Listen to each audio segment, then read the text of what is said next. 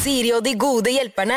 Du hører på Siri og De gode hjelperne her på Radio 1, og jeg heter da altså Siri Kristiansen. Jeg har vært der hele uka, vært vikar for Niklas eh, Baarli på Morgen på Radio 1. Og etter all sannsynlighet skal jeg være det også neste uke.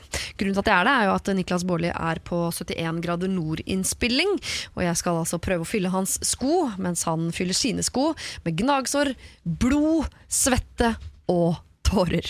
Men eh, nå skal det ikke handle om uh, verken han eller meg, det skal potensielt handle om deg. For i dette programmet så prøver vi å hjelpe så mange som mulig med de problemene som måtte være der ute.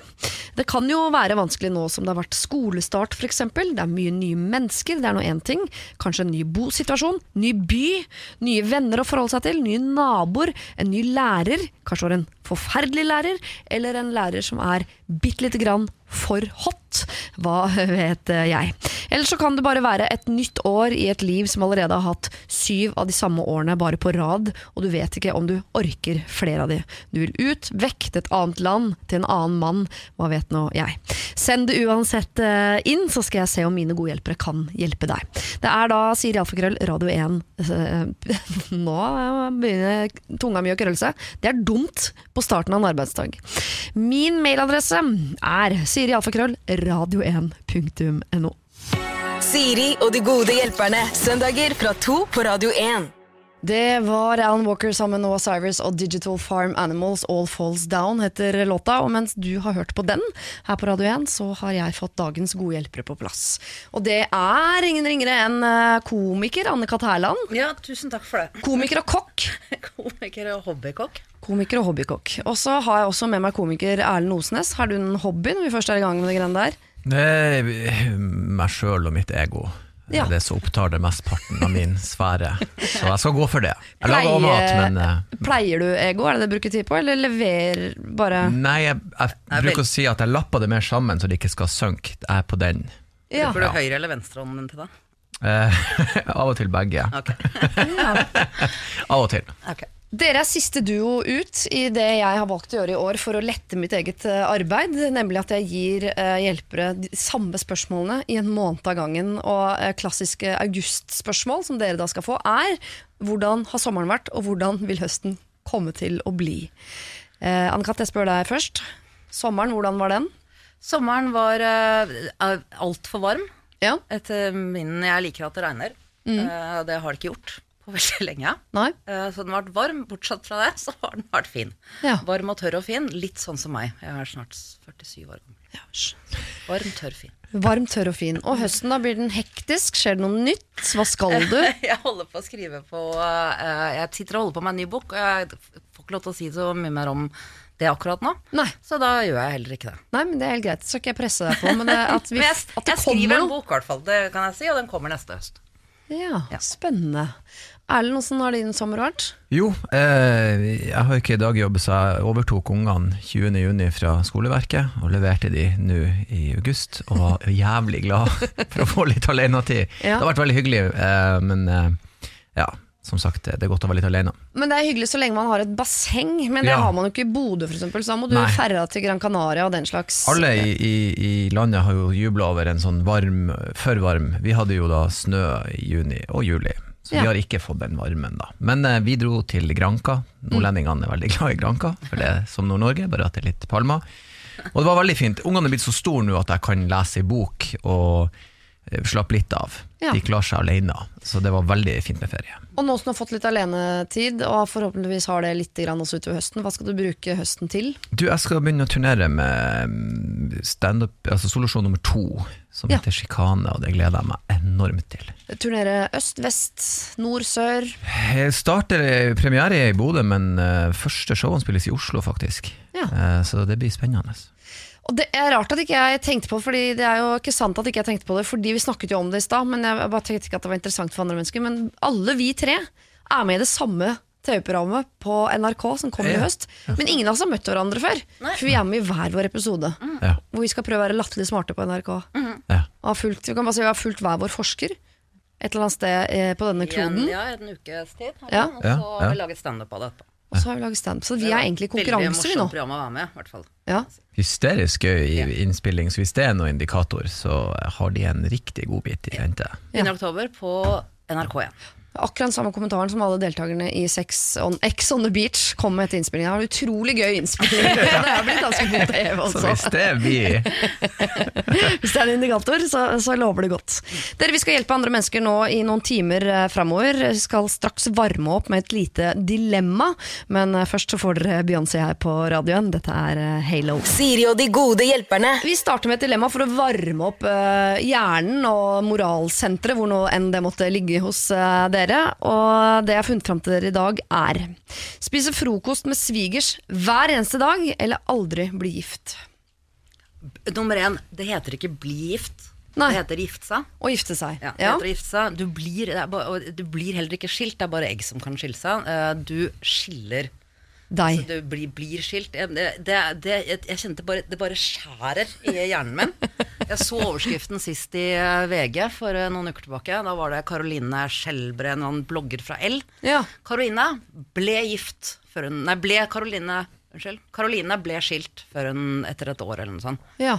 Hvordan skilt ble hun, lurer man på. Det var det jeg lurte på. Så ble hun bare revet ut av armene på mannen sin. De ble tvangsskilt. Hadde de vokst sammen i hoftene? Sprang noen forbi og røkka henne løs Ja. fra han.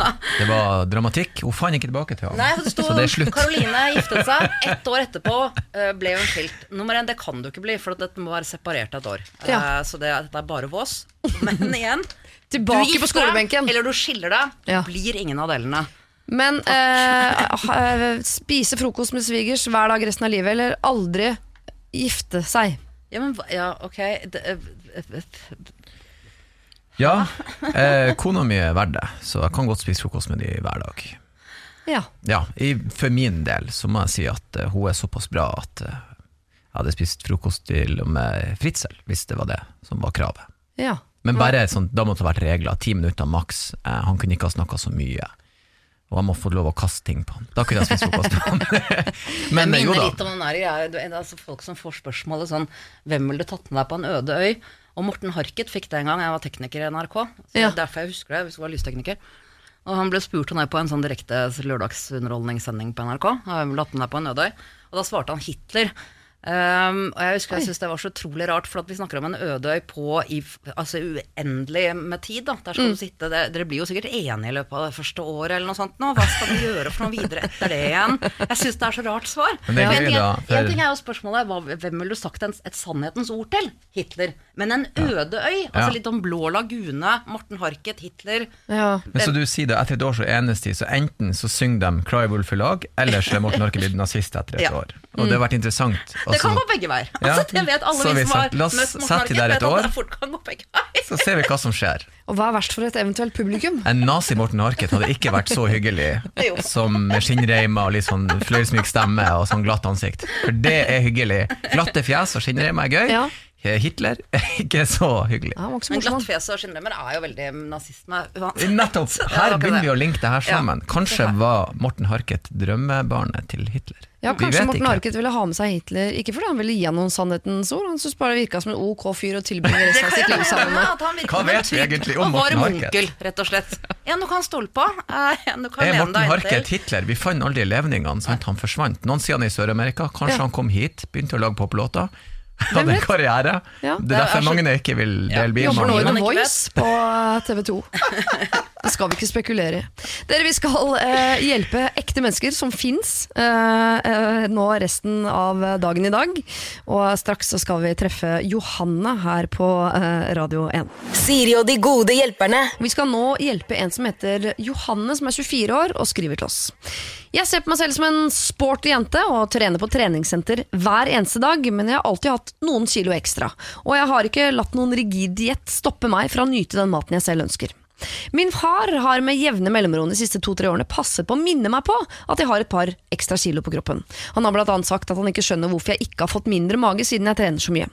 Sist gang noe lignende skjedde var tidligere denne uken da jeg høflig takket nei til et kakestykke etter middagen og sa at jeg prøver ikke spise mye kake i hverdagene, uh, slik at jeg kan kose meg ekstra mye når helgen kommer. Da svarte han ja, jeg ser at du har lagt på deg i det siste, er det derfor? Jeg har nå over flere tidligere anledninger sagt at jeg syns det er noe hyggelig at han sier sånne ting, men han bare trekker på skulderen og sier ja ja, var ikke sånn ment. Jeg har også fortalt det til mamma, og hun tar det opp med han hver gang, men uten hell åpenbart.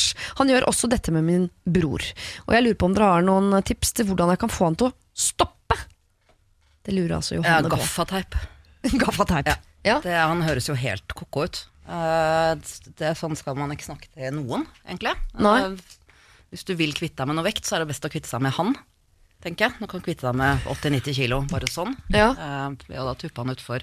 Og du trenger ikke å lese bak på innholdsfortegnelsen engang. Er Prøv hvis faren min hadde kommentert hadde kommentert utseendet på noen som Nummer én, det jo, halvparten av genene er jo hans. Det, du kan jo begynne der. Altså Ja. si at Hvis jeg eventuelt lagt meg, så er det kanskje Det hadde vært fint å se et bilde av han, så at vi kunne bedømme hvor disse kiloene kommer fra. hvor dette kiloene kom fra. Men kan man altså øh, øh, Hvis vi skal prøve liksom La oss late som denne pappaen kanskje mener det hyggelig. Kan det hende, kan det hende liksom det er ikke noe hyggelig Det er, det er, fint, det er ikke noe hyggelig i det hele tatt.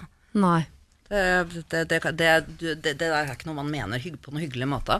Nei. Så det hadde bare enten gaffet, gaffet en munn på han, har aldri kommet hjem mer. Jeg, jeg, jeg vet ikke. Det kan være det For fedre er jo eh, eh, Om ikke de mest elegante til å ordlegge seg, så de, de prøver å formidle noe. Jeg har jo eh, tre barn, Ja. og hvis en av de skulle bli fryktelig overvektig, så hadde jeg jo elska vedkommende. Jeg har jo ikke sittet han på trappa og kjefta, men jeg hadde jo syntes synd i vedkommende. Ja. Så det kan hende at han er sånn eh, 'Jenta mi, det er liksom fjerde året du er singel', og eh, Men folk er jo ikke single fordi de veier noen litt. kilo. for Noen det. er er- sikkert det, jeg vet ikke. Kanskje han Jeg bare sier Det er ikke sikkert han mener det vondt. Nei, jeg mener han at det er en klønete. måte å prøve å hjelpe henne på. Ja, for, for jeg, f- ø, min stefar, han er sånn Han er sånn på både meg og broren min, sånn at Ja, du er blitt tjukk. Ja. Eh, og det er sånn, takk skal du ha. Eh, jeg er fullt klar over det. Det er derfor jeg jogger hver kveld og gråter. Så, så, så, jeg vet om det, du trenger ikke å si det. Så det er irriterende. Men jeg vet at han sier det ikke for å være ond. Eh, så det hun kan gjøre, er å si eh, eh, eksempel invitere til en dialog og si 'pappa, hva du egentlig hvis du bare er for å disse vekta, så kan du holde kjeften din. Jeg er enig med deg. Da tar du gaffateipen, og så ikke teip den, men heller slå den over øynene på han. Ja. Men hvis han sier sånn Jo, men eh, jeg tenker på helsa di, og, og, og liksom jeg prøver å Ja, men da kanskje det er bedre å spørre hvordan har du det? At det Ja, er, det er bedre sant. å begynne der enn å begynne å gå rett på at, at noen ser tjukk ut. Så kan det hende at det er jo alltid gjerne en grunn til at endringer i, i utseendet. Ja, ja. Så, så kanskje man skal spørre finne ut hva dette er som egentlig skyldes. Og da begynner man ikke å påpeke endringene. Da begynner man med å si hvordan, hvordan står det egentlig til? Jeg har tid til å prate med deg. Har, Ja. jeg, du trenger ikke å svare på ti minutter. Jeg har så mye tid du trenger altså Noe sånt noe går an å gjøre. Og hvis han bare er en kjip faen, liksom, altså, så, så er det mange steder, blant annet på nettet, blant annet på Amazon, så kan du få tak i sånne Nei, jeg tuller ikke nå. Dette har jeg lest om. Eh, stridsrasjon, eller sånn, hvis, hvis det, sånn som du skal ha i huset i tilfelle så infrastrukturen faller sammen. Alle bør egentlig ha nok til 48 timer, klare seg 48 timer, rent vann og noe mat og noe sånt. i tilfelle det, er sånn prepperaktig. Ja, sånn millenniumsnødkit, liksom. Der får du tak i sånne, sånne bars som du kan spise. En sånn en inneholder 4000 kalorier. Det er nok kalorier for to dager. Mm. Det er bare å begynne å smuldre opp det, og så ha det i maten hans. Han merker det ikke i det hele tatt. Han Nei. kommer til å ese ut som en ballong i løpet av veldig kort tid. Problem løst. I løpet av ha det som prosjekt gjennom jula, på en kan du måte. si sånn Pappa, du får deg å bli litt eh, 7000 kalorier i én kilo, da. Altså du må Ja. spise 7000 kalorier for, for å legge på deg én kilo. Du klarer fint å smugle i han 4000 kalorier ekstra i døgnet. Det vil si at han legger på seg så tre kilo i løpet av en uke. Så i løpet av en, jeg tenker i løpet av en måned så hører du ikke noe mer om det. Han 30 kilo overvektig og lei seg. Ja, og da kan, de, da kan de begynne å snakke sammen, kan vi begynne å kanskje. snakke Ja. Ja, så det, det vil jeg bare oppfordre. Det er jo selvfølgelig et, et gammelt Det er fra Mean Girls. Eh, dette er hvor, de, hvor de, noen skal slanke seg, de gir henne noen Ja. sånne til å legge på seg istedenfor. Men det er jo, den filmen er jo gammel. Det har kommet mye nytt på markedet siden den gang. Så Amazon.com, gå inn og søk. Det der kan du få. Det er helt sikkert masse energidrikker og alt mulig sånt som bare kan rett og slett lure i folk. Ja. Og de vil lese ut. Og da blir du den tynneste. Jeg det er lettere å få andre til å legge på seg enn å gå ned i vekt selv. Absolutt. absolutt. Jeg liker jo eh, drastiske tiltak. Jeg liker også hevnmotiverte tiltak. Eh, og her syns jeg uh, Jeg klarer jo ikke å, eh, Jeg ser ikke pappaen din, så jeg vet ikke om han er klønete, men mener det med kjærlighet, eller om han er en dust. Det vet jeg ikke. Men du har jo ikke sagt at du ikke er glad i pappaen din, så jeg regner med at du er glad i pappaen din og har lyst til å ha han som pappa, men en pappa som ikke kommenterer vekt. Ja. Og det er gaffateip, syns jeg faktisk er en ganske god løsning, men også få han til å skjønne at dette er um, det, vi må snakke om dette på en annen måte. Så du kan først gaffe han igjen, putte en bar inn, gaffe utenpå, og så starter en dialog om hva er det du egentlig lurer på, pappa, når du påpeker vekten min hele tiden. For jeg regner med at det du egentlig lurer på, er om jeg har det bra eller eh, ikke. Siri og de gode hjelperne. Søndager fra to på Radio 1. Vi skal til en eh, dame som kaller seg for Crazy Cup Lady. Eh, og Crazy dere- Cupcake Lady eller Crazy Cup Lady? Bare cup, ja. Cup Som i Lady. BH-størrelse? Nei, som i eh, koppen kopp. Å ja, ok. Eh, hun har gått på en smell som veldig mange småbarnsmødre går på, men jeg tror her er det mer et eh, um, Jeg vet ikke hva det er eh, hun sliter med her. Eh, hun skriver ingenting om at hun eh, venter barn. Eh, hei, og tusen takk for at du tar opp mitt ilandsproblem. Det er så slik at jeg har eh, en forholdsvis stor mummikoppsamling. Jeg har 54 kopper i hylla, og seks nye på vei i posten, og jeg er stadig på leting etter nye mummikopper.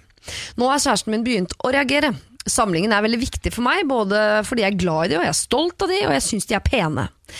Er det egoistisk av meg å nekte å stue disse dyrebare mummimerchene mine ned i en pappeske og inn i en støvete bod? Hva, hva tenker dere om det? Han har nemlig gått med nå på å la meg beholde samlingen min dersom jeg finner en fin måte å oppbevare dem på, noe jeg sliter veldig med. Hilsen Snorkefrøken eller Crazy Cup Lady. Altså Først må jeg spørre, Vet dere hva mummikopper er? Ja. Oh, ja. Fordi det jeg mener det er sånn småbarnsmorsmell. Eh, alle småbarnsmødre kjøper mummikopper. Og så plutselig når man er ute av småbarnsbobla, så sitter man med den mummikoppen i hånda og tenker man sånn Hva er det jeg har drevet med i seks år? Du, helt seriøst, vi har sikkert eh, et sted mellom 80 og 120 mummikopper hjemme i mitt hus. Vi Ja. har mummiskåler, eh, og det er fordi at svigermor elsker de. Så når det kommer nye, så kjøper hun til alle sine tre døtre, og så får vi alle mummikopper. Så jeg fikk mummikopper lenge før jeg og kona mi fikk barn. Ja. Så jeg kjenner godt til dem. Du kjenner godt til De tar mye plass, eh, og de er ganske store. De, noen de er veldig festlige, noen er veldig dystre. Det er litt sånn mindfuck med de der. Ja. Jeg tenker, noen ganger tenker jeg går de på noe LSD, de som sitter og maler der, for dette er mye utenomjordisk rart på de koppene. da. Går ikke hele Finland på felles det. LSD? Jeg tror det. De får eh, fall- mobiltelefoner og LSD på skolen. Vær så god.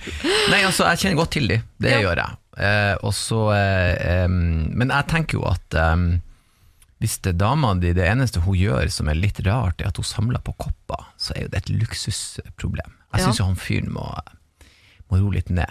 Ja, det mener jo Crazy. Hun sier jo at dette er et ilandsproblem, og hun liker Mm. dem. Så det jo han, hun må på en eller annen måte enten oppbevare de på en fin måte, eller få forklart han eh, Eller bare omvendt han, jeg, liksom. jeg, ble, jeg, jeg skjønner ingenting. Altså, det hva enten, er det, står det mellom enten å ha de i en pappeske i kjelleren, eller ha de stående midt i glaninga?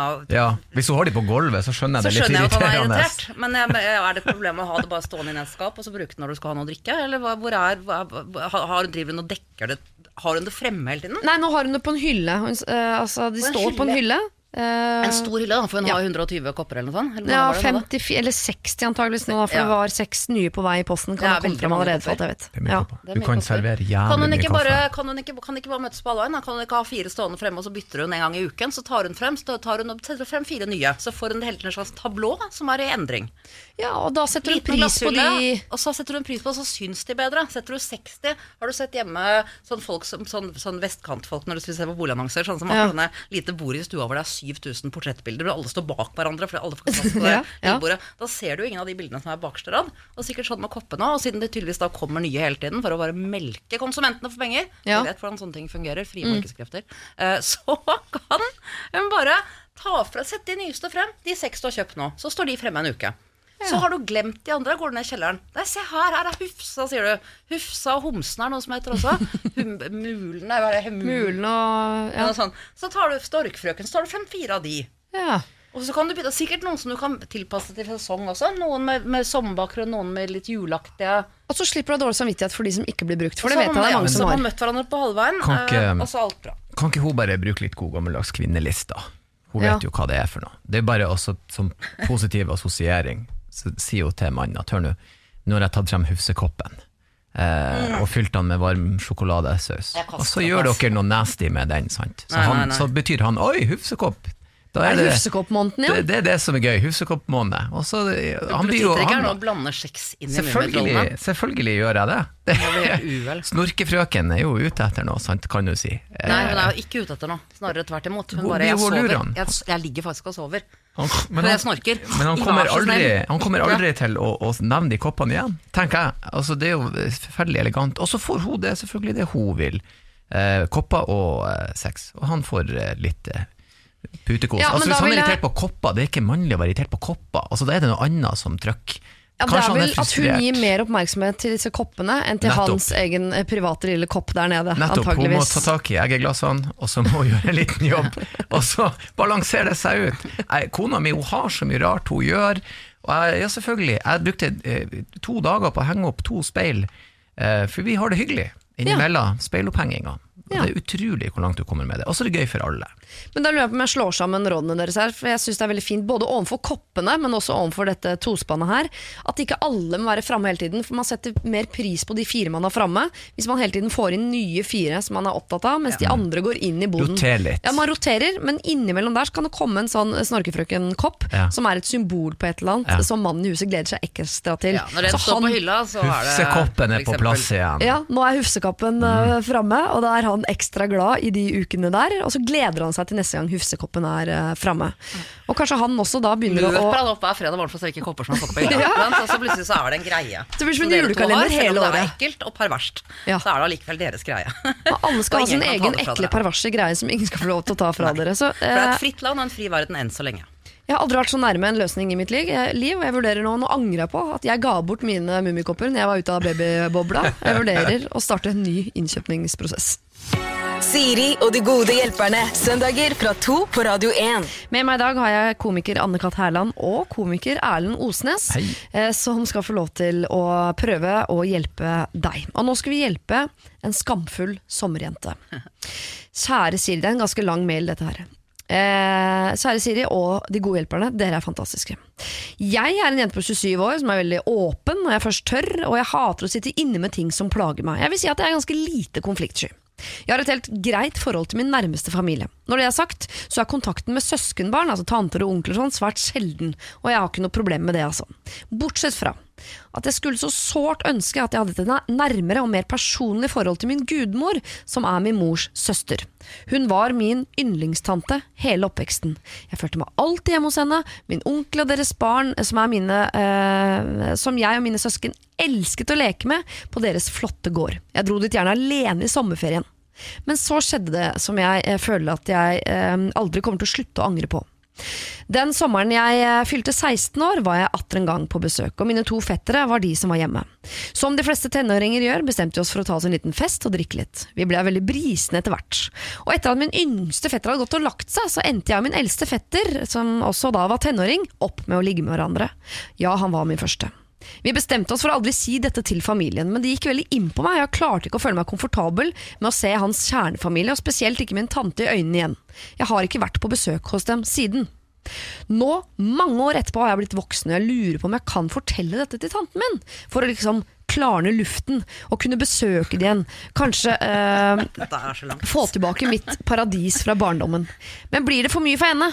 Kan jeg skape konflikt i deres familie? Eller ba jeg, bør jeg bare ignorere og være høflig og hyggelig til tross for skammen og nervøsiteten? Jeg vet ikke om jeg klarer å ta opp kontakten uten å si det. Du, eh, nummer én, eh, du må lære deg å bruke mye færre ord. Eh, for dette var fryktelig langt. Ja, men Eh, alt var viktig. Jeg pleier å korte ned, det, liksom. var- dette, alt, det, jeg snakker ikke til deg, Siri. Jeg, Jeg til- skjønner det, men hun har ligget med fetteren sin. Ja, det er, det er mailen, det. Hei, jeg har ligget med fetteren min. Skal jeg si det til tanten min ja eller nei? Nummer én, det er helt normalt i kongehuset å ligge med fettere og kusiner, så du er i godt selskap. Ja. Det kan vi si først. Det er tillatt, og det det er er greit. rojalt og nesten nobelt å Det er nesten noe rojalt og nobelt over det. Eh, Jeg skjønner ikke. Hun lå med fetteren sin, og så dro hun hjem, og jeg har ikke vært tilbake siden. Ja, og det er elleve år siden. Og nå vil hun gjerne fortelle det til tanten sin. Mm, for å få Hva er det med den tanten som det, Ingen tok kont... Det, det, det er så mye Det er veldig rart her, jeg er enig med deg. Hvorfor tok rart. ikke tanta kontakt på de elleve åra? kontakt? Lot de bare, henne bare spinne ut til venstre uten å bry seg om det? Hvorfor har hun la kontakt med en familie som lar det forsvinne ut i elleve år uten å ringe og spørre Kanskje han har det? sagt det, vet du, til tanta. Ja. Mamma, jeg lå med hun eh, Snorkfrøken. vi, vi leka med hufsa hennes, og nå er, det- nå er det dårlig stemning. Eh, og så hun sånn å gud, så ekkelt. Hvorfor har du lyst til å fortelle til tanten din at du ligger med jeg skjønner ikke det. Det er her det, her Jo, det men I Skamfull sommerjente sitt hode så er det det som gjorde at de ikke har det gode forholdet lenger, er det ligget. Så så lenge hun bare får Men det på kan, kan du ikke så møte tantene et sted hvor ikke fetteren er jeg, jeg, jeg, det, det, Dette går ikke opp. Ikke si det. Det er ikke et Spør om hun vil ta en kopp kaffe, men ikke fortell Ikke fortell, det er ikke noen som har lyst til å høre om andre mennesker at aldri har ligget med. Du har lyst til å høre Det er litt altså, nasty, men det er ikke unormalt, Nei, vil jeg si. nei, det er jeg helt enig her. Det er litt, litt på kanten, men det er ikke Ja, helt er ikke veldig unormalt. Hvis du først skal komme med en annen avsløring, kom med noe litt mer juicy. Uh, ellers er det ble- Tanten din vil jo tro at du er klin hakkende sprø òg. Du har holdt deg unna i elleve år for at, du, for at to 16-åringer i samme rom tafset på hverandre i fylla. Det er det 16-åringer i et rom i fylla gjør. Ja. Det vet er- det sikkert er vel tanten òg. ingen mødre som vil høre eh, fra noen at de har ligget med sønnen Helt enig. i huset. Re- re- re- Du kan si at jeg lå med mannen din, så sier hun 'hæ?' Nei, jeg bare tuller, sønnen din. Og så ah, Ja, det, det er en god eh, Da tar vi en kaffe, da. Ja. Eller jeg er helt enig med deg, jeg støtter deg. Vi- Ikke, ikke, ikke si det, det er helt vanlig. 16-åringer gjør Ta sånt. deg sammen. Det er helt, du har ikke, du har ikke gjort kanten, noe men ikke ekstra ille. Nei. Altså, hvis Eh, folk ikke skulle ligget med f- fettere og kusiner, så hadde jo ikke bodd folk i Østfold. Altså, det, så det, så det, Eller i Nord-Norge, Eller i for den Nord-Norge, saks for den skyld. saks skyld. Jeg vil ikke bruke Nord-Norge her, siden du var der. Respekt. Respekt for landsdelen. Jeg har veldig mye respekt. Men jeg skal, eh, et element dere kanskje ikke har tenkt på, eller kanskje har tenkt på likevel, er såpass kjappe på konklusjonen. Fordi eh, hvis nå Skamfull sommerjente skal kontakte sin eh, favorittante igjen etter mange mange år, og ta opp igjen kontakten, invitere på den kaffen da om dere vil, så vil jo tanten Altså Det er et forklaringsbehov her i forhold til hvorfor mistet vi kontakten. Skal hun da Men det går finne på noe og si Det sorry, går jeg jo gikk inn i begge en mørk Det er jo, periode, det er eller jo for så vidt tanten som er ansvarlig for å holde kontakten med en 16-åring, og ikke en 16-åring som er ansvarlig for å holde kontakten med en voksen. Så det er det jo er tanten da vil da, Gå hardt ut! Si til tanten 'Hvorfor i all verden har jeg ikke hørt fra deg på 11 år?' Angrep er det beste forsvar. Og så må hun også huske på at ting blir verre med årene. Sånn så Jeg husker jeg så Kobra med Sylvester Salon på 80-tallet. Elska den! Jeg så den igjen på TV Norge Max. Gud, for en stinky, elendig film. Så det kan hende at da, Er tanta filmen nå? Ja, tanta Ja. er elendig. Det har gått elleve år, hun har ikke tatt kontakt. Hun Nei, trenger ikke å være så kul som hun var. sant? Ja. Og det Jeg vil er si også- gå vekk fra det. Gå vekk fra det, og jeg tenker at, at, for at Men min sønn var er jævlig noe- digg. Det er, noe, det, er noe, det, er noe, det er noe som ikke stemmer den, at den voksne personen som har holdt seg unna uh, Det kan godt hende at hun har nok verre Hva heter det? Svin... Hvem har hun ligget med? Hvem har hun ligget med? Ja. Nettopp det vi. Ja, Nå er vi der vi skal være. Hvem nå du med? Ja. Hvorfor har ikke jeg hørt fra Ja, for så, elleve det, si det. så hvis du skal møte henne for en kaffe, begynn der. Uh, wing it etter det. Nei, men, nei, men, sånn seriøst sagt, det er gått elleve år. Og, og, Det virker bare og, rart. Og, det virker, altså, jeg, de som jeg, jeg hadde veldig veldig nært vennskap til for elleve år siden, har jeg enda. For å si det Ja. sånn. Og de som ikke er der, tenker nå sånn Ja, det var helt greit at han eller hun Ja. Feida ut. For sånt skjer. Vennskap kommer og går. Jo, men jeg er ikke helt enig. For det, selv om dere sier at uh, mailen er for lang, så kan det hende det er ting hun ikke har skrevet. For det kan jo hende at denne tanten gjentatte ganger er invitert på besøk og sånn, Ja. og så har hun bare dodga tanta si fullstendig. At hun har eh, takket nei til alle invitasjoner, vil ikke være med dit på Ja, sommeren lenger, blir ikke med og sånn. Jo, skal du sende inn en spørsmålsstilling, vær så snill å gå igjen og lese gjennom før du trykker send. Ja. For at det er umulig å svare lærer på. vi- Ikke vi kjenner alt. Komprimer. Ja. Pass på at vi har full oversikt over alle mulige faktorer i på en måte regnestykket. i. Stikkord. Hvis hun skal ha råd, ikke ligg med noen i slekta di mer. Slutt med det. Ja, det er det beste rådet du kan gi. vidt. Ligg med folk i slekta di. Da unngår du denne type problemer. Lykke til. Men skamfull sommerjente, hvis det er sånn at eh, tanten din har prøvd å ta kontakt, men du har på en måte svart nei i alle disse årene, eller at hun har ga opp et eller annet sted på veien der, det skulle vi gjerne ha visst, men det vet vi ikke. Men jeg syns du skal ta kontakt, be på den kaffen, eh, og du har ikke noe forpliktelse til å svare på noe som helst. Mm. Sjekk om den gode stemninga er der. Kanskje ikke stemninga er så god lenger. Kanskje du husker feil tante. Ja, hvis på et Kanskje du ikke har noe tante, kanskje det er noe du har drømt. hvis hun på et eller annet tidspunkt spør hva gikk galt egentlig, så syns jeg vi skal gi vår mye, velsignelse si til å si eh, at der er det lov å ljuge. Ja. Ikke si at du har ligget med sønnen. ikke si at du har ligget med sønn. Ja. Jeg hadde en litt dårlig periode, kan du si. Jeg har ikke lyst til å gå i detalj, men jeg er gjennom Riktig. den nå. Si det. Ja. Elleve års dårlig periode. Ja, Nå vil jeg snakke. Hvorfor var ikke du der for meg? Snu det bare rundt. ja, gjør det. Og hvem har Ingen du egentlig deg, jeg- ligget med? ja. Ja. Enda jeg trøstespiste og trøstespiste, eller tjukkere og tjukkere. Det var så i spørsmål igjen vi hadde her. Ingen brydde seg. Ingen spurte hvordan har du det. Nei. Nei. Gå Så rett. bare igjen, gå rett på. Rett på angrep, det er det aller beste forsvar. Siri og de gode hjelperne. Mail oss på siri at radio1.no.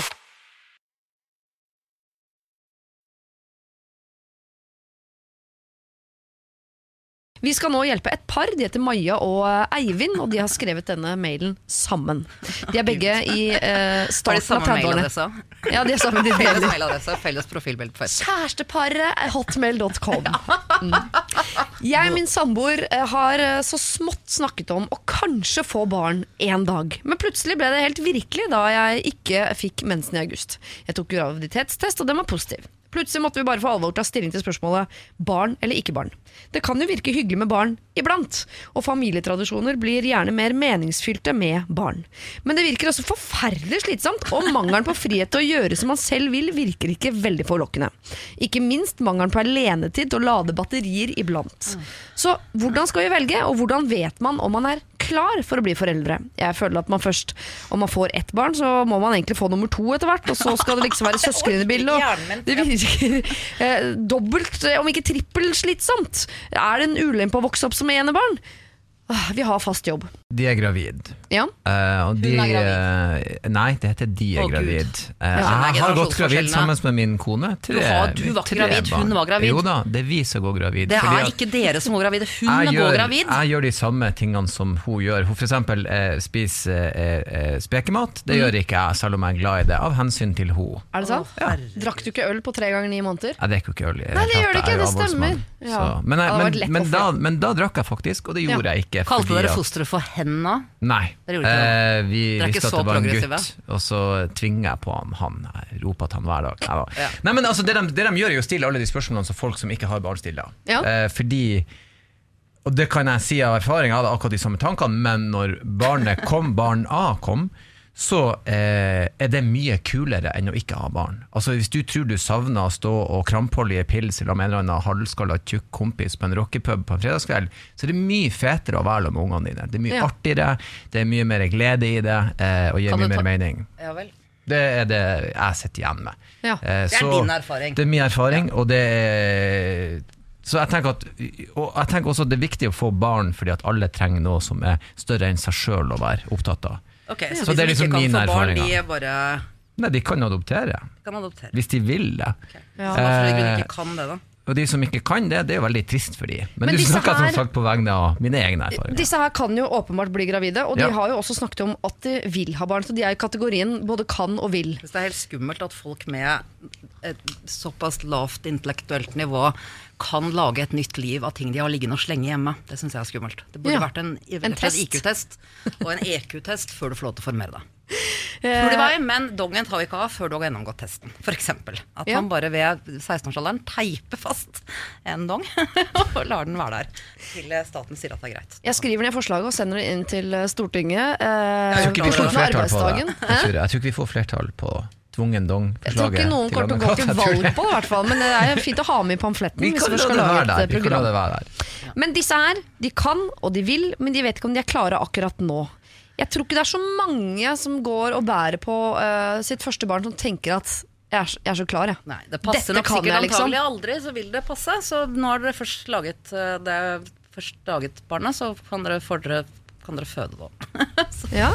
Nei, jeg vet ikke. Det er helt umulig, for jeg vet ikke så veldig mye om det. Men eh, igjen, det er derfor man bruker da Prevensjon er jo en grei ting for ikke å havne i en den type situasjon. Ja. Han bare, det synes jeg aldri, det, De er ikke voksne nok til å tenke på det, så er de heller ikke voksne nok til å, til å ha barn. Uh, samtidig så um, Dere i starten av 30-årene har fast jobb, men de lurer på, øh, og kanskje det, du kan svare på det, Erlend, hvordan vet man om man er klar til å bli forelder? Man vet vel aldri det, gjør man det? Jeg, jeg, jeg følte at jeg var klar for det, men jeg hadde lyst på barn da jeg var på 16. Ja. Jeg har alltid digga unger, syns de er dritkule. Jeg elsker babyer, triller på de, de lukter godt, de lager artige fjes. Eh, Så jeg var veldig, veldig klar for å få barn. Kona mi var litt sånn 'Hvordan vet jeg om det går bra?' Mens jeg var veldig sånn 'Jo, jo, men jeg skal ordne det'. Ja. Du var Supermann, liksom. veldig, Så du veldig sympatifødte også når hun fødte? Ja, det er vondt og Nei, men jeg hadde, jeg hadde kjempelyst på barn, eh, eh, mens mange har jo liksom vært sånn Å nei, hva gjør vi nå? Og når barnet kom, så skulle du tro de aldri har gjort det ennå. Så jeg tror jo at det er så liksom Ja. en sånn bryter når, det, når barnet først er der, så, så er det Det er en del så skummelt. instinkter. Det er, du må ha masse kjærlighet, og instinktene må funke. på en måte Ja, tror Og jeg. hvis vet du ikke. trenger å være helt sikker, så er det også da sted på nett som du kan låne en sånn baby, en sånn datababy. Ja. Og som skriker og hyler. Og Det er faktisk ikke det dummeste forslaget. Ja, så kan man øve seg på Prøv det og så det. se om det er noe. Men det, i tillegg, men en ting til. Klokka går. Ja. Eh, så eh, dette burde dere tenkt på før, og etter uke tolv så har dere ikke noe valg. Og det kan jeg også da si avslutningsvis her, er at eh, hvis man låner en sånn baby på nett, som jo eh, faktisk er mulig, så får du testa instinktene, men du får ikke testa kjærligheten. Det, det, det, gjør du ikke, men du får, du får en liten pekepinn uh, allikevel. Uh, så Prøv det det, liksom. noe. Kontakt nærmeste helsestasjon. eh, og få lånt det. det. Dette er jo egentlig noe som er laget for 16-17-åringer, som, som tenåringsgraviditetsgreier. Ja. Det er ikke laget for folk som er over 30 med fast jobb og felles e-postadresse.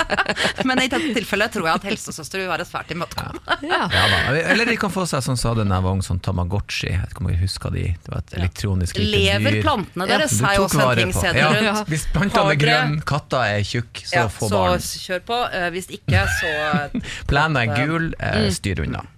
Har du en grønn plante hjemme, eh, så er du klar også for å bli forelder. Det høres kanskje veldig naivt og enkelt ut, eh, men det er noe med hvis instinktene er der, kjærligheten er der, eh, dere har lyst på barn, dere har lagd et barn, eh, så tror jeg ikke man blir noe mer klar enn det på noe som helst tidspunkt. Det, Lykke er, til. det er fint at vi har eh, fri abort i Norge. Det er ikke et prevensjonsmiddel. Siri og de gode hjelperne. Anne-Kat. Hærland og Erlend Osnes. Vi skal treffe en kvinne som nylig giftet seg. Hun skriver her. Jeg giftet meg for litt siden, og dagen ble akkurat sånn som jeg hadde drømt om. En av kompisene til mannen min er uh, utflytta, er litt dårligere stilt enn oss andre. Han sliter litt psykisk, han drikker litt for mye, og han uh, klarer ikke å disponere pengene sine. Han kom i bryllupet, men uten gave. Men han lovte uh, at når han fikk penger, uh, så skulle vi få gave. Altså Han ba om en utsettelse. Og vi jatta med, og begge visste jo egentlig at den gaven kommer aldri til å komme, men det er ikke et problem hvis du spør det var hyggelig at han faktisk kom. Problemet dukker opp når vi nå skal sende ut takkekort. Vi har nemlig skrevet et standard sånn jatte, jatte, takk for gaven, jatte, jatte-kort, og innså nå at når de skulle sendes ut, at det kanskje ville være litt frekt å sende til han. Altså takke for gaven når vi jo da aldri fikk noe gave. Så hva gjør vi da? Skal vi sende eh, takkekort til alle bortsett fra han? Og det er jo ikke noe kult hvis han ser dette takkekortet på kjøleskapet et annet sted. Eller skal vi sende et til han også i fare for at det blir forstått som et eh, fuck you fra oss, liksom? Selv om det mener vi jo ikke. Eller skal vi få trykt opp et enkelt kort bare til han, hvor vi skriver noe helt annet enn vi har skrevet til de andre? Takk for at du kom, eller noe. Ja, altså, jeg vet ikke hva jeg skal gjøre. Rådvill klem fra uh, Brura. Ja, Vi skal ikke gjøre noen av delene. Nei, De skal ikke gjøre noen av delene, de skal endre teksten. ja, de skal endre Ja, teksten. Det på alle kortene. På alle, ja, jeg som har vært gift, eh, to, jeg har vært gift to ganger, eller er jo gift nå, har vært gift en gang før, jeg føler at jeg er litt av ekspert på dette her. Ja. Du trykker ikke opp takkekortene. Takkekortene, eh, bare skitt de som ikke har fått takkekort fra forrige bryllup, jeg har ikke hatt tid ennå, det er et år siden. Eh, men, og det men og det er fordi at vi ikke trykker det opp, og det er fordi at vi har tenkt å skrive det for hånd, og det tar litt tid. Men vi har fortsatt vi er akkurat nå et, ett år og et par dager over. Vi er ikke innafor lenger, nei. nei Men, ok, er men du, skal, du skal ikke trykke Du opp skal ikke trykke det opp, og dessuten, hva er fokuset? Er du glad for at de kom, eller er du glad for gaven? Du sa jo du var glad for at de kom, skriv Ja. til alle. Vi er glad for at dere var sammen med oss Takk for at dere var med og feiret dagen vår. Ja. Tusen takk. Hilsen Berit og Bjørn, eller hva Gud Vår spesielle dag, sant? Ja. Og så Ja. virker du som et mindre sånn eiersykt Mye koseligere å få et håndskrevet takkekort. Trenger ikke å nevne driten av den gaven mindre. Det var at du skriver noe eget til hver, til hver person. Ja. Det er ikke nødvendig. Altså, Nettopp! Enda bedre idé. For eksempel eh, forloveren sin. Tusen takk for den fine talen du holdt meg. Ja. Den satte jeg stor pris på, Ja. og var sammen med oss. Takk for at dere tok dere tid til å komme Ja. hele veien fra Bardufoss. Ja, Ja, ja tenk takk for det. at- med dere ikke fortsatt tok på den dere nydelige barna. kjolen din. Ja. Ja. Takk, takk for, altså, sånn at du skriver noe spesielt til alle. Trenger Mm. ikke nødvendigvis være fokus på selve gaven. For ofte så kan det være ting som er At gaven kan være ting som folk har satt opp på en liste at de ønsker seg. Mm. Takk for den fine ostehøvelen, bla, bla. Skriv noe personlig hyggelig til alle sammen. Ja. At de var med på den store dagen Vi hadde deres. ikke gaveliste for eksempel, når vi gifta oss, jeg og kona mi. Fordi det er ikke det som Altså, det er ikke nøye. Og vi har Nei, så jævlig mye nips og mummikopper fra før uansett, at hvem som folk bryr skal seg. komme, og så kan de ta med noe hvis de vil. Det er ikke det som er det vesentlige. Det vesentlige er at folk kommer Og ikke fordi det er hyggelig å få en gave, men, men jeg er enig med Anne-Kat. her. Her må det liksom, det mellommenneskelige veie tyngre. Ja. Men hva er grunnen til at mange skriver takk for også den gaven? Det er jo fordi man er litt stolt over at man har eh, Eller man vil vise at man husker at, hvem som ga hva. Er det derfor, eller? På, altså på, på spes ja, men da kan man jo ikke trykke opp. Altså, ja, da hvis du trykker opp, så blir det jo bare eh, takk for gaven. Altså, det, takk for de fine koppene. Da har du fått kopper av alle. Det går jo ikke. Folk gjør det jo veldig sånn forskjellig. Ja, takk for de fine Jeg tror at, koppene. jeg tror at en, en vik- en skikk- og brukerekspert vil si at det der er noe du skriver for hånd. Og du takker hver enkelt. Og det trenger ikke å være et langt brev. Det er bare til Bodil og Stein. Eh, tusen takk for at dere da kom hele veien fra Helsingfors. eh, Og at Stein holdt seg edru. Satte vi også ekstra stor pris på. og. Så er det, noe, da er det noe eget til hver. Tre, To-tre linjer. Hvor mange gjester har dere hatt da? Det kan, altså det, så langt, så vanskelig kan Og det ikke noen kan jo takke gaven for, hvis hun vil det. Hvis det var noe sånn, Ja, noen som hadde fikk- laget et ja. pengetre, liksom. Ja, Jeg leste i går på Jeg husker ikke VG Dagbladet eller Aftenposten, det går helt i surr på Men da stod jeg leste om prinsesse Diana som skrev altså håndskrevne takkekort eh, til alle gaver hun fikk. Og Oi. etter bryllupet med prins Charles så fikk de 47 000 hilsener. Og hvor hun satt og besvarte, altså ved hjelp av, men altså som ble diktert ned, og som i, i, veldig stor grad ble, eh, ble, ble svart. Hun skrev i hvert fall under. Oi. Det kan man søke opp. Det er bare å søke Diana. Det gjør ikke folk lenger, ass. Det er old school Og royalty. så mange, gjester, så mange gjester har dere Nei. ikke hatt. Så Nei. hvis dere har hatt 100 gjester eller Ja, du 50 greier 100. du- Dette klarer du. Ja. Og dessuten så trenger dere ikke å gjøre det nå. Dere har jo eh, Dere har et over et år ja, dere har eh, en, på det, dere. et år fra bryllupet til, til å sende, på å sende ut takkekort. Men har du det hele tatt begynt, Anne-Kat., eller er det, har det stoppa opp midt i bunken? Jeg føler jeg gjør det nå, takk. Ja, føler at du gjør det nå, Vi har, takk. ja, vi har snakket mye om det. Ikke kommet så langt ennå, men, men, men nå føler jeg at jeg har gjort noe. og Det er, eh, jeg hadde bryllupsdag da i forrige uke. Ja. Ja, Så det er, eh, det er underveis. Det er, det er på absolutt underveis. Ja, ok. Eh, dere har ikke dårlig tid, eh, brura og mannen, eh, så dere kan vente litt, bruke litt tid. Eh, dere skal ikke trykke opp, det skal dere ikke gjøre. Dere skal skrive håndskrevet til alle gjestene. Trykk opp, og altså, takke for kortet, trykk opp hyggelig bilder av dere. Det tenk kan du trykke opp. Nei, ikke tegne eller sånt, det er ikke det. Men bare, kortene trykker dere naturligvis opp, men dere skriver bare på Ja. helt personlig Ja. til alle sammen. Og takke gjerne for andre ting enn gaven. Ja. Hvor de kommer fra, eller en tale eller ting som har, har dukket opp under bryllupet. Så det er veldig, jeg ville satt veldig mye fint. pris på å få et kort hvor det Jeg står tusen takk for at du kom, enn å få tusen takk ble for den koppen. faktisk varm om hjertet over den store medmenneskeligheten vi utviser her nå. er du, altså. Jeg syns dette var så stort av oss at alle var sånn. Herregud, for en bra verden. Noe av varmen kommer av de eh, ordene du selv sa. Ja. Ja, det, Man rører seg selv. Rører meg selv. hvis du Han som hører på og rører seg selv. Han er virkelig en mann av 2018. Siri og de gode hjelperne. Og nå av meg skal du få et lite tilbakeblikk. Fordi for eh, en eh, ukes eh, tid siden så hadde jeg besøk av Ken og Maria Stavang, bedre kjent som Piatid, her i Siri og de gode hjelperne. Da fikk vi inn et problem fra en jente som var usikker på om hun skulle gå i en bursdag eller ikke.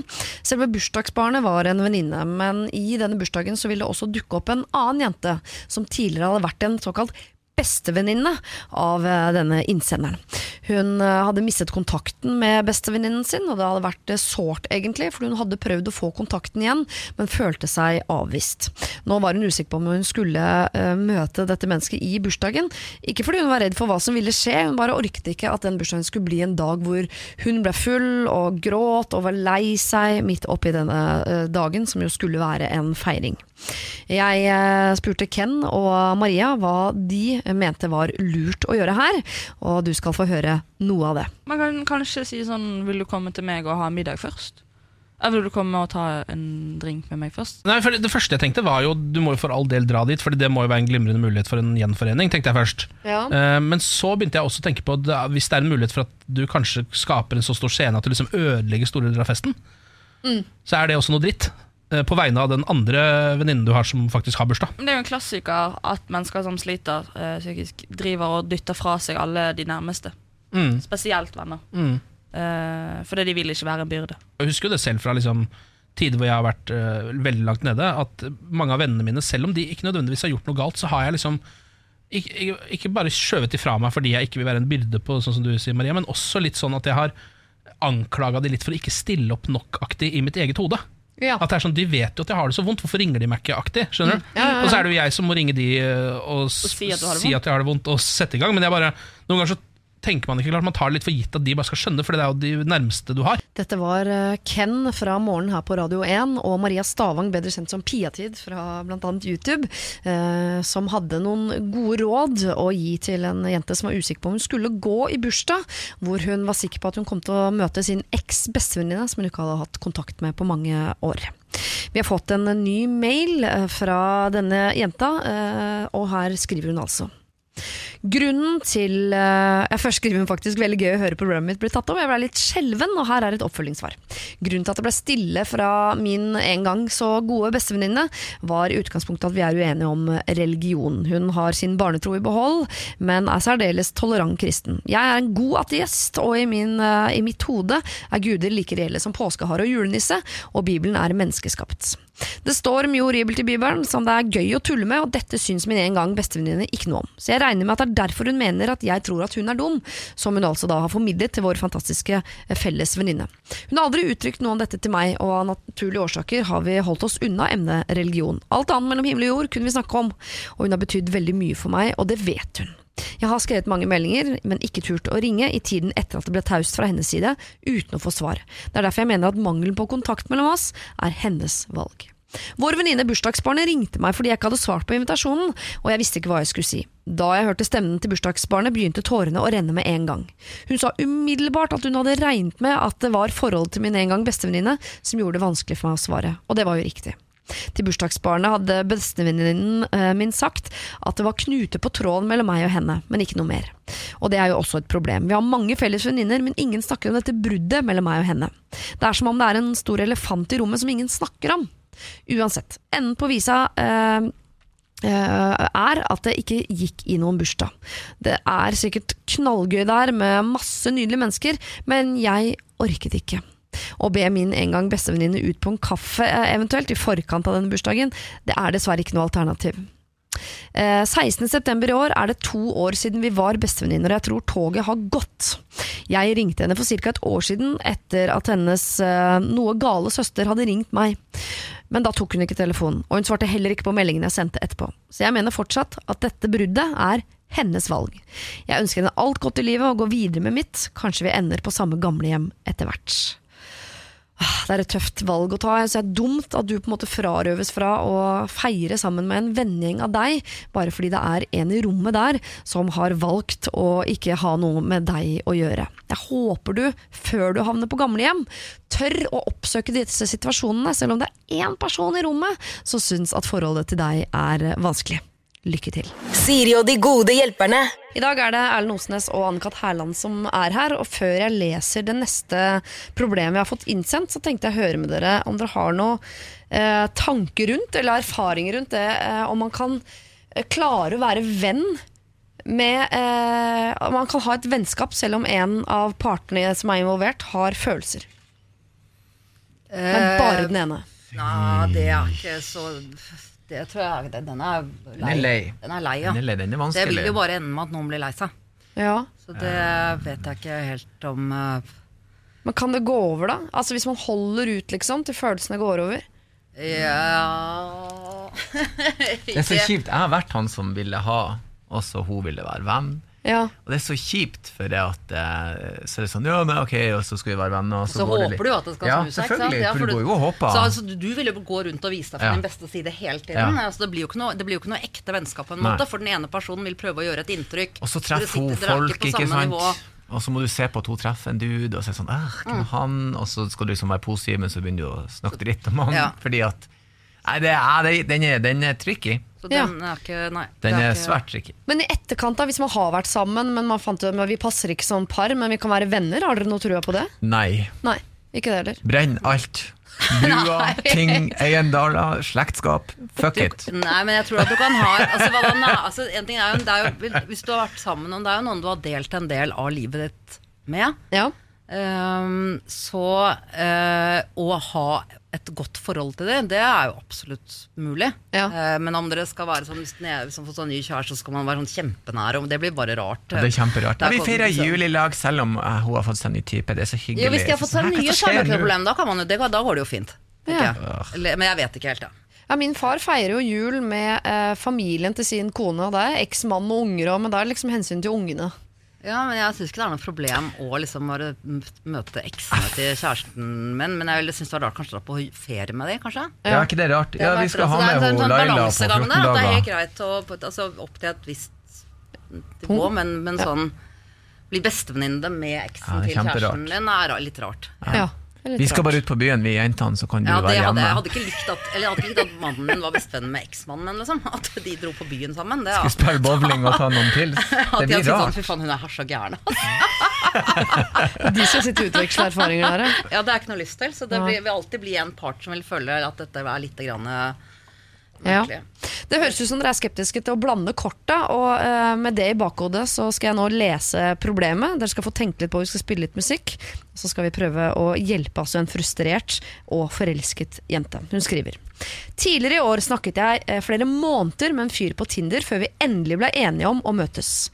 Alt gikk over all forventning, han fikk meg til å føle meg trygg og var støttende gjennom eksamensperiode og jobbintervju. Vi snakket eh, mye om fremtiden, og alt var tilsynelatende perfekt. Jeg ble dermed sjokkert da han plutselig sa at han ikke følte seg moden nok for et forhold. Men at dette kun var en refleksjon, eh, eh, og noen han hadde reflektert over siden han syntes at jeg var så fantastisk, og at han koser seg så utrolig mye i mitt selskap. Han sa eh, også at han ikke vil date noen andre igjen med det første, og at han vil at vi skal være venner. Dette var selvsagt hardt, men vi klarte å beholde vennskapet over sommeren mens vi var på forskjellige steder i landet. Vi har snakket hver dag og har hatt en litt flørtete tone med hverandre. Vi har på en måte blitt bestevenner, men jeg har vært usikker på om det er en god idé. Jeg er nå tilbake i byen og starter drømmejobben i samme by som han. Men han har vært avvisende hver gang jeg spurt om han vil være med og ta en øl. Han sa at han var redd for å lede meg an, og at det kanskje er litt merkelig å fortsette å møtes, selv om vi holder en god kontakt.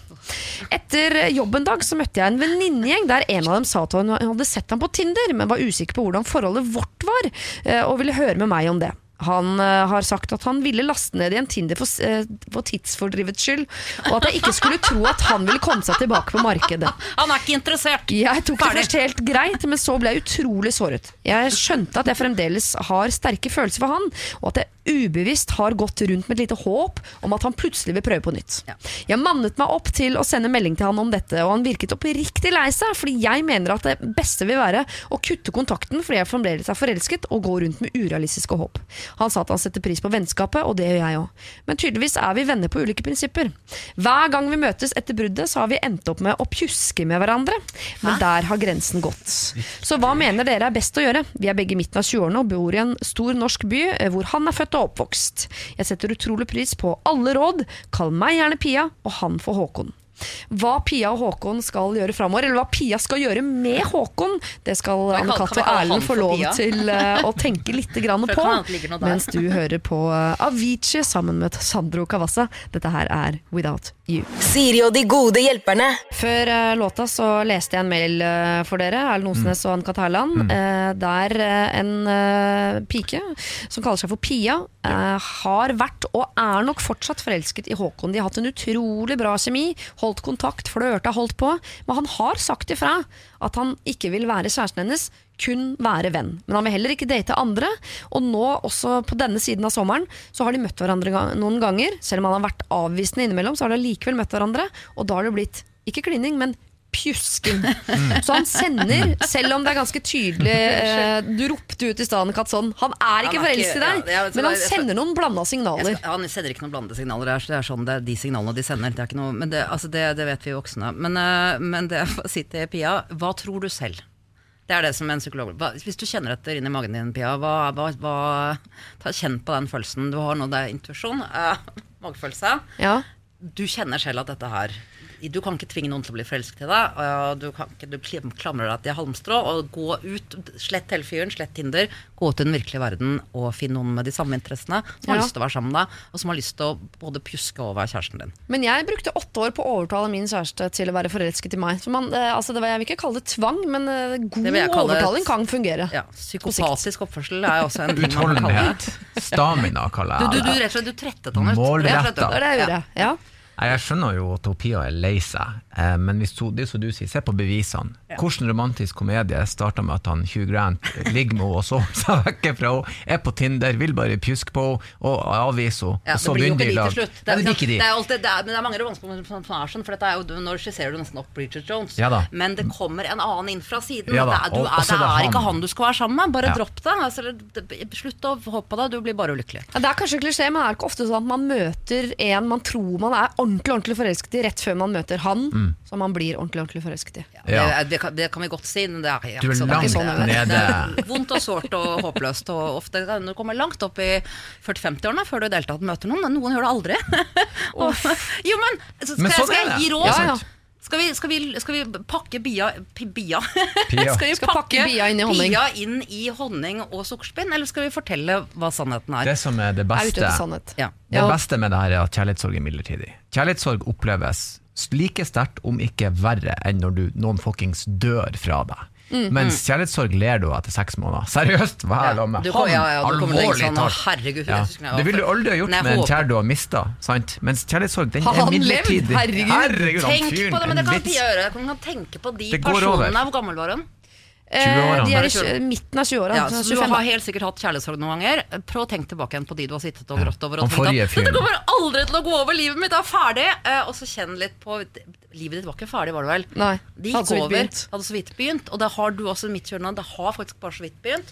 Men jeg syns dere er litt harde på å avvise han fyren her, for han viser jo eh, Nå legger jeg godvilja til, men han viser jo noen tegn på at han liker det. Han syns hun er fantastisk. Han syns hun er frastøtende, for han pjuske. pjusker med er henne. Man kan jo være en umoden fyr som syns alt som handler om forhold er litt skummelt, så han må lokkes Ja, ja, ok. over med masse Du bitte kan små ikke lokke karameller. noen til å være forelsket. Altså, det er ikke sånn det skal være. Og du skal ikke bli sammen med noen som du har lokket eller tvunget til i åtte år. Menn vil gjerne pjuske eh, i mange år før de gjerne vil være kjæreste. Jeg var en han ivrig til og med er homofil, og det er ikke noe kjæreste. Galt med det. i Det hele kan tatt. jo hende han er. Det kan Vi vet han ikke. Han er ikke kommet ut av skapet ennå, og skal du tvinge han til å drive og holde på, og så plutselig så får du en sånn blomsterfin situasjon hvor dere har fått to barn, og han bare Jeg har egentlig bare lyst til å holde på med blomstene mine, og en annen fyr som Ja. heter Børra. Jeg er glad i Stilken blomst, egentlig, for å være helt ærlig. Ja, Så, så ja. da, det, det kan, så, vet du hva? Dette her kan bare ha det som et tegn på at dette er ikke han det skal være. Det kommer noen andre. Og så har jeg òg også en sånn umåtelig- Jeg har en sånn tro på at når det gjelder parforhold, skal du aldri slå deg til ro med nest best. Aldri. Og det her er nest best klassisk. Med en gang du treffer det mennesket og tenker det her er helt fette peise perfekt, hun eller han skal være sammen med resten av livet, så velger du den personen. Ikke Ja. ta den ja, hvis han blir litt mer keen på meg, jeg klarer å overtale han, så kan det her bli gøy. Jeg syns heller du skal gå for jackpot eller være alene. Enkelt og greit. Men skal hun da droppe han du, dette merker du når det skjer. og Det har Ja. tydeligvis ikke skjedd ennå. Da har du ikke vært Da har du ikke opplevd den derre pang. Men skal hun droppe han da helt, eller skal hun beholde uh, Nei, bare som hvis, hun dropper han, hvis hun dropper han, så kommer jo han etter henne. Ja, for da skjønner han at du vil jo ikke mer for de er 20-årene. sant? Og da vil han prøve igjen, Ja. og da vet du at ok, han er kun etter til pjuskinga. Eh, ja. Så hun må, hun må slette han fra Tinder, Ja. slette han fra venner. Skal hun gi han noen forklaring på dette? Nei, bare, bare si det passer ikke hvis han spør om de skal pjuske eller drikke øl eller noe sånt. Vi kan ta det en annen gang. Kan du bare si. Så bare utsetter og utsetter og utsetter, ja, så går det over av seg Ikke, selv. ikke ha en sånn grandiosa 'nå velger jeg å kutte deg Nei, ut'. for det blir Enten så virker du psyko, det er jo Ja. det ene. Hvis du blir sånn, Ja. nei, Enten så blir du sammen med meg, eller så skal jeg aldri snakke med deg mer. Så virker du jo klin gæren. Ja, bare fade han sakte Bare fade han ut. Ja. Fase han ut, Ja, rett og slett. Uten å si Så det betyr bare ikke si fra noen ting. Bare, hvis han foreslår noe, sier du det, det må nesten ta en, om noen uker, for jeg er innmari opptatt nå. Ja.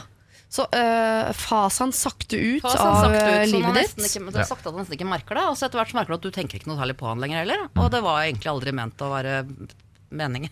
Om seks måneder så ler du visstnok av dette, Pia. Og forhåpentligvis eh, om en stund, eller i verste fall i 40-årene, så finner du eh, den mannen som er perfekt for deg. Men det er dessverre ikke Håkon, og da tror vi det beste er at du ikke har noe kontakt med Håkon overhodet. Men du trenger ikke å ha noe brutalt brudd, du trenger bare å fade han sakte ut av livet ditt. Siri og de gode hjelperne. Søndager fra to på Radio 1. Vi skal eh, treffe en som heter Susanne. Eh, eller hun heter ikke det, men hun vil gjerne at vi kaller henne for Susanne. Eh, hun skriver Jeg er gift, og jeg kjenner svigerfamilien min godt, og de liker meg godt. Min svigersøster, kall henne Emma, og jeg har et veldig godt forhold. Helt til hun ble sammen med en mann som var mye eldre enn henne for to år siden. Alderen er ikke nødvendigvis et problem, men det er hans atferd som jeg syns skal forventes at er bedre fra en mann som er såpass gammel. For å beskrive deres forhold. De har vært sammen i to år, de ble samboere nokså med en gang, og forelskelsen den dabbet av merkelig fort. Han gjør ingenting hjemme, han betaler ingenting, bare på sin egen forbrukslån fra langt tilbake i tid. Han klarer nesten ikke å leve av sin egen månedslønn fordi han tuller det bort på festligheter eller på kjøretøy. Jeg kan telle på én hånd hvor mye han har vært sammen med oss i svigerfamilien sin, eller min, da, enda vi bare bor fem minutter unna hverandre. Ingen i svigerfamilien liker han, men vi er selvfølgelig veldig snille med han når han først er på besøk. Jeg tror min eh, venninne Emma merker at vi syns han er spesiell. Og jeg syns det er rart at hun som er såpass mye med familien sin, eh, ikke bryr seg om det. Nå sitter jo jeg da, og denne familien og bare venter på at det skal bli slutt, så at det en dag skal skje noe drastisk slik at hun får opp øynene. Og jeg vet at det ikke er mitt problem, og at hun må finne ut av dette selv, men hun er så herlig person, og det hele er så kjipt, og vi ønsker eh, ikke at det skal være sånn for henne lenger. Så hvordan kan jeg gjøre noe med det likevel? Hilsen Susanne. Er du, du har akkurat svart på spørsmålet ditt. Dette kan du ikke gjøre noe med. Det er ikke ditt forhold. Du kan være der for henne når, når og hvis det blir slutt. Kan man ikke Du dytte kan- det i noen Nei, retning heller? ikke Klassisk. Folk må gjøre sine situasjon. egne feil. Ja. Ja, klassisk situasjon. Det eneste du oppnår med å gå inn der, er å skape mer distanse mellom deg og venninna Ja, di. det er hun du mister. Hun blir forbanna, går i forsvar. Hun Ja. vet, hun så vet går nok hun- utmerket godt ja. selv at dette her ikke funker så innmari godt. Trenger ikke at du står og blander deg inn i tillegg. Du skal være der og ta imot henne når hun faller. Ja. Det er, det, det er jobben din som venn. Helt enig. Hvis du går dit nå til henne, så kommer hun til å gå til han eh, slakapungen, og så sier hun 'vet du hva hun sa', og så får han Ja, lov å dyrke. Bare... Ja, typisk hun, ei fettkjerring. Og så ser du henne aldri mer. Ja. Så eh, her må man egentlig bare vente. Ja, lytte, lytte når hun prater. Altså, det, det er, hvis hun tar initiativ til å snakke om det, så kan du støtte og, og lytte og høre Mm. etter, men du kan ikke blande deg eller fremskynde dette på noe som helst måte. Nei. Din jobb er rett og slett å bare jeg vil være en venn. Jeg ser at du faller. Jeg ser at du faller. Hvilken låt er det? Det er ser at du faller. Ja, det er. Så det er, det er rett og slett jobben din. Eh, Det er veldig mange låtskrivere som er enig i akkurat det. Ja. Ja, for den er, den er lei. Men jeg er jo enig i at du skal være der når øh, hun faller. Øh, men er det ikke Er det ikke noe hun kan gjøre for å øh, sørge for at hun snart faller, da? Nei. Det, og det, hvordan skal det vennskapet Hvor langt være er hun villig har til å gjort gå? Ja, men hvis hun har gjort noe, det, det blir jo ikke noe hyggelig vennskap. Skal hun sabotere det andre? Det, det forholdet her saboterer seg selv. Det er bare å ta tiden til. Du skal ikke gå inn og sabotere andre menneskers forhold. Du skal som, få gjøre eh, sine egne ja. feil. Igjen. Det blir som crocs. Folk blir å innse til slutt hva i helvete er det jeg har på beina. Sant? Ja. Men du kan ikke, Ikke- kritisere nei, det. ja, du- Eller ja. gummikopper? Ja, nettopp. En dag blir hun å se på han fyren, hun, hun her eh, Emma, hva Ja. det heter, og tenke 'å herregud, for en løkrull', han har Ja. ikke penger. Og da kan dere le og, og Ja. tøyse med det, og Ja. så snakke om hvordan man unngår å gjøre den feilen igjen. Men ikke gå og grip inn på noe som helst. du, og du kan også bare sette henne foran eh, Pass på å høre på alle episodene, eh, eventuelt gå inn og lete opp podkasten der vi snakker om dette. Ja. Og så kan du bare si sånn eh, 'Hvem dette kan være?' Og så går du ut av rommet. Eller sette på luksusfellene. Jeg bare mener sånn, jeg mener ikke at man Ja, skal luksusfellen eh, går an. skal, Ta opp luksusfell på hennes TIVO. Eh, Ja. Planlegg. Sånn at Oi, her er jo 40 episoder av Luksusfellen. Hun vet nok utmerket godt innerst inne selv, så kjenner nok hun også på dette her sånn. ja. Eh, Det er ikke noe vits i at du driver og pirker opp i det i tillegg. Det der er ille nok. Det, det der er vondt nok å innse selv, at man er i et forhold hvor man kanskje ikke blir behandlet sånn som man skulle blitt. Jeg er jo helt enig med dere, og jeg er helt, også enig i at man ikke skal dytte i noen retning. Jeg bare lurer på, i og med at man eh, allerede vet at jeg skal stå der når du faller, at man på en eller annen hyggelig og litt ydmyk måte kan si fram at dersom at det visste om at du skulle falle en dag, så ville jeg bare sagt om at jeg står der nede og tar imot. Så at, fordi Hvis hun nå er i et dårlig forhold, men tenker at jeg har i hvert fall han, jeg orker ikke å være alene, jeg må ha han, det er er nemlig kanskje, ingenting. kanskje du kan ta litt mer plass i livet hennes. Kanskje du kan finne på noe å gjøre sammen, sånn at hun ser at det er et alternativ til å sitte sammen med han typen hele tiden som bare er kjip. Så Ja. kanskje du kan tenke sånn, du skal, du skal ta imot når hun faller, så du kan nummer én bruke tiden din på å gjøre klar den plassen hun kommer til å falle ned på. Et pledd, noe muffins, et eller annet sånt noe, Ja. som kommer til å falle. Jo, men Vise seg fram som, eh, som det Har du lyst til å finne på noe? Skal du og jeg gjøre et eller annet gøy? Skal vi, skal vi dra dit? Dra og treffe menn. Altså, bare, Ja. bare vis at det, er, det finnes Ta et mer liv. eh, plass, jeg er enig, fordi at hun, venninna hennes må være glad i prosjekter, så hun har en sånn håpløs fyr som de bare bærer rundt på, mm, ja. som er totalt elendig. Kanskje hun kjeder seg. Så hvis du tar henne med på noe sånn kajakkpadling eller kanskje noe fjellklatring, så får hun stimulert den der eh, Ja. tingen sin der, og så skjønner hun at nei, han fyren er jo helt Ja, så møter hun andre som kanskje har Eller gå på, ta, gå på et kurs Eller eller noe sånt. spør Eller finn på et eller annet. Og så, Ja. så møter Et eller annet han ikke har råd til. Ja, eller spør hun hvordan er forholdet til faren din? Eh, dette er jo et klassisk sånn daddy issue-greie. Oh, ja. Så hvis hun patcher opp ting med faren sin, så plutselig bare Ja, da trenger jeg ikke han her løken lenger. Eh, det kan jo også være en sånn liten en. Spør henne. Det er garantert at faren drikker og har gamblinggjeld. Men du skal, ikke, du skal uansett ikke blande oss veldig mye opp på sånne ting. Men du skal være venn og høre på. Og igjen tilby eh, Si at vi kan finne på noe sammen. Jeg har ikke så, det er lett for henne å si sånn Nei, men burde, det, burde, det burde være slutt. Ok, det er fint det at det burde være slutt, men skal hun da sitte alene? Hun er nok da redd for å sitte alene hele tiden. Helt sikkert. Kom med forslag til hva dere kan gjøre sammen. Som du- kajakkpadling ja. eller Og så kan du kanskje oppdage at det er det å være alene når du kommer hjem etter å ha hatt en dag full av ting du har gjort som har vært gøy, eller at du har blitt sett eller hørt på den som den personen du er, så er det ganske deilig å være alene. Ja. Uh, og så kan man oppdage det på den måten der. Så ikke, så ikke, ikke, ikke, ikke dra hjem til henne og begynne å bitche om kjæresten hennes. Det er Nei, ikke dra- som- Susanne, Du- ikke dra det hjem eneste til du henne og gjør begynne å bitche. er at du, at, du, at du gjør at hun blir full av trass. Uh, og blir enda mer sammen med han, liksom. Altså, du, du bare du, du, du knytter de- ja, ja, du knytter de mer sammen. Du er rett og slett en liten snusmumrik. Ja. Gå tilbake igjen til mummikoppene. Eh, stikk ikke putt nesa di på tingene du ikke har noe med, uh, men prøv å hjelpe på en Susanne, jeg har ikke så veldig mange regler her i verden, men jeg har eh, noen. eh, Og en av dem eh, er at hinting er ikke kommunikasjon. Det er det ene. Det har ikke noe med dette å gjøre. Jeg bare liker å si det så ofte som mulig. Og det andre er at man velger ikke kjæreste ut ifra noen andre enn seg selv. Altså Den dagen man får seg kjæreste, så er det ikke på vegne av en gruppe, på vegne av en familie eller en vennegjeng. Man velger kjæreste til seg selv. Og da må man selv finne ut av når det er feil. Så du skal ikke fortelle venninnen din dette, men du kan jo ved handling fortelle henne at dersom at det hvis det går dårlig en eller annen dag, så er jeg her for deg. Det er det venner er til. Siri og de gode hjelperne. Mail oss på siri at radio1.no. Før eh, komiker Erlend Osnes og komiker Anne-Kat. Herland skal få lov til å dele ut hvert sitt handlenett, så skal jeg dele ut noen handlenett fra meg. Første handlenett i dag går til eh, Johanne, som eh, er en sporty jente på 24 år, men som har noen ekstra kilo, og det pleier faren hennes å kommentere. Hvordan kan du få stoppa kjeften på han? Der var gaffateip et av forslagene som fort kom på bordet. Crazy Cup Lady, altså en, eh, du som har eh, huset fullt av mummikopper og har fått beskjed om at de må stues bort av din kjæreste som er drittlei. Der fant vi en fin løsning. Du har bare framme fire av fire av gangen, og en av dem skal du få han til å relatere, eller eh, få han til å assosiere med noe ekstra hyggelig. Du skjønner hva jeg mener. Deg, skamfulle sommerjente som for mange år siden lå med din egen fetter, og nå angrer fordi du har, ikke har så godt forhold til din tante lenger. Du orker rett og slett ikke å se henne i øynene.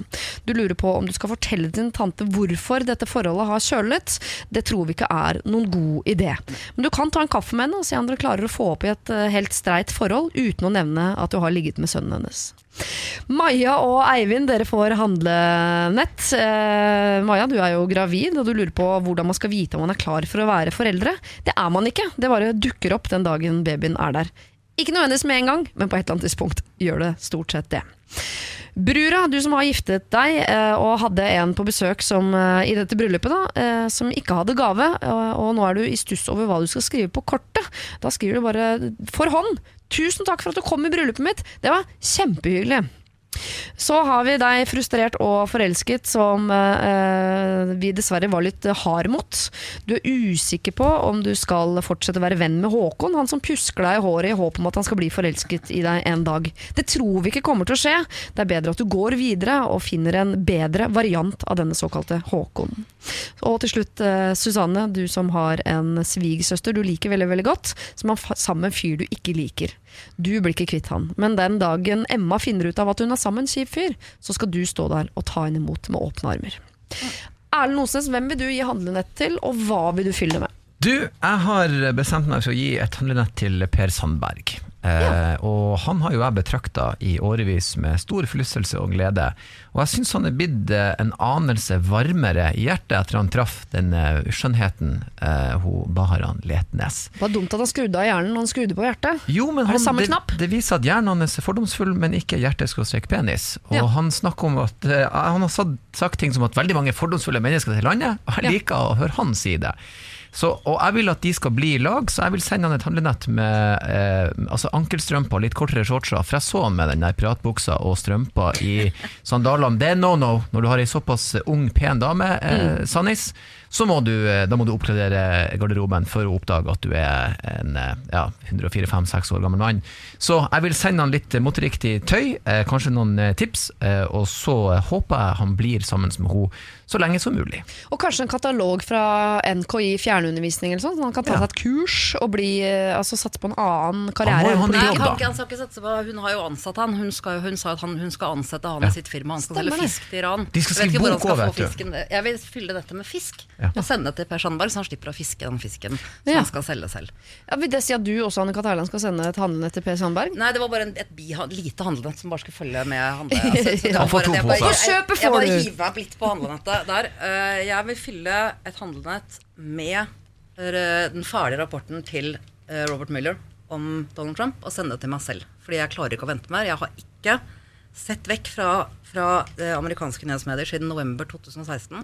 Jeg har sett, jeg tuller ikke, jeg har sett hver eneste episode. Jeg Ja. har abstinenser nå, for jeg sitter og lurer på hva Trump har lagt ut på Twitter. Altså nå er denne, denne uken har advokaten hans innrømmet eh, skyld. Ja, ja. Eh, Paul Manafort er eh, dømt i åtte av ti tilfeller. Det skal er en ny rettssak på de ti tingene ikke de ble enige om. Det viser at det er ett jurymedlem som var den som veltet hele greia her. Jeg Ja. sitter sånn og har lyst til å Dette er bedre enn House of Cards. Det er bedre enn House of Cards. Jeg er helt enig. Det er Jeg skjønner ikke hvordan noen kan sitte og se på serier på Netflix nå. For det, vi har én serie som går, og det, som er virkeligheten, som hvor du bare Ja, ja. Hver eneste dag så kommer det noe nytt, og du tenker dette er, dette er ikke mulig. Og når Per Sandberg dukket opp, så tenkte jeg at det er nesten litt sånn Trump-aktig, men det er Nille-Trump. Ja, ja, ja, ja, ja. Det er Trump light.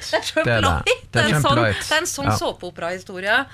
Og disse Eh, episodene er 24 timer lange, og det kommer ny hver dag. det kommer ny hver dag, og jeg kjenner at jeg er litt sliten av å følge med. For ikke å snakke om at mannen min er begynner å bli veldig lei at jeg følger med.